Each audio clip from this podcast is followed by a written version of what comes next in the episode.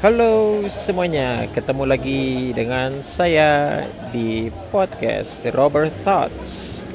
Kalau terdengar saya berada di tempat yang ramai, itu terjadi karena saya saat ini berada di sebuah tempat yang ramai.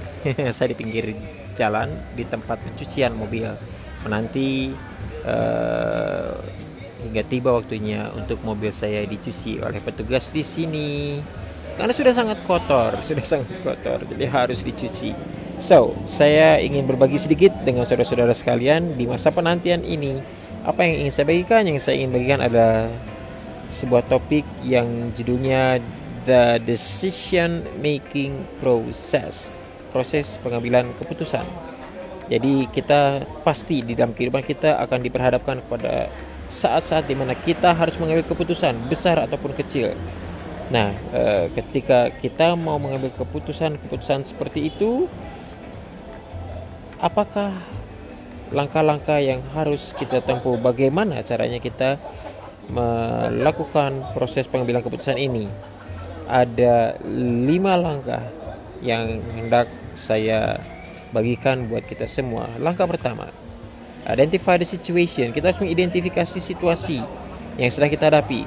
Identifikasi apakah Eh, permasalahan yang terjadi itu adalah sesuatu yang terjadi secara uh, eh, setiap hari maksud saya daily atau itu terjadi dalam periode tertentu periode waktu tertentu atau itu adalah kejadian yang cukup langka yang uh, terjadi mungkin hanya satu dua kali di sepanjang hayat.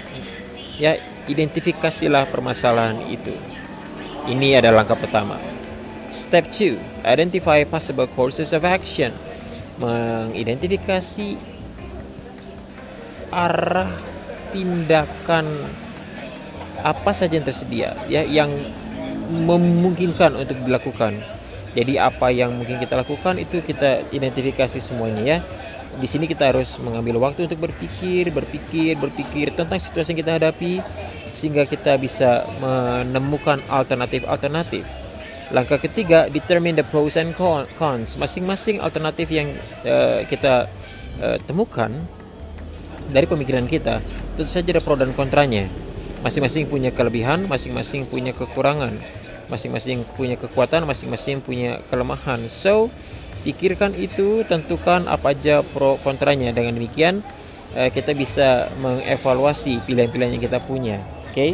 karena kita kemudian memasuki langkah keempat yaitu make a decision membuat keputusan buat keputusannya ya menggunakan semua informasi yang sudah kita uh, kumpulkan uh, tentu saja setelah kita kumpulkan uh, informasi pro dan kontra keuntungan uh, ke kerugian dan sebagainya maka kita kan sudah punya pada akhirnya ranking yang mana yang menjadi pilihan utama, yang mana menjadi pilihan kedua dan seterusnya. So, kita akan menggunakan informasi-informasi yang sudah kita dapatkan untuk make a decision. Oke. Okay? Ketika kita sudah mampu uh, sudah membuat keputusan, maka kita dapat rencanakan bagaimana kita dapat mencapai tujuan kita itu. Step 5 adalah evaluate your decision. Evaluasilah keputusanmu dan ku Once your decision is put into effect, ask yourself whether you achieved the results you expected. Uh, segera setelah uh, keputusan kita itu kita terapkan dan menghasilkan sesuatu, maka tanyakan kepada diri kita sendiri apakah uh, saya telah mencapai hasil yang saya harapkan, atau kita akan membuat uh, bukan akan ataukah kita telah membuat kesalahan? Uh, sehingga dengan demikian muncul pertanyaan berikutnya adalah uh, mau diulang lagi nggak? Mengambil menggunakan keputusan yang sama nggak di kemudian hari? So those are all the steps we can take in our process making decisions. Step one identify the situation. Step two identify possible courses of action.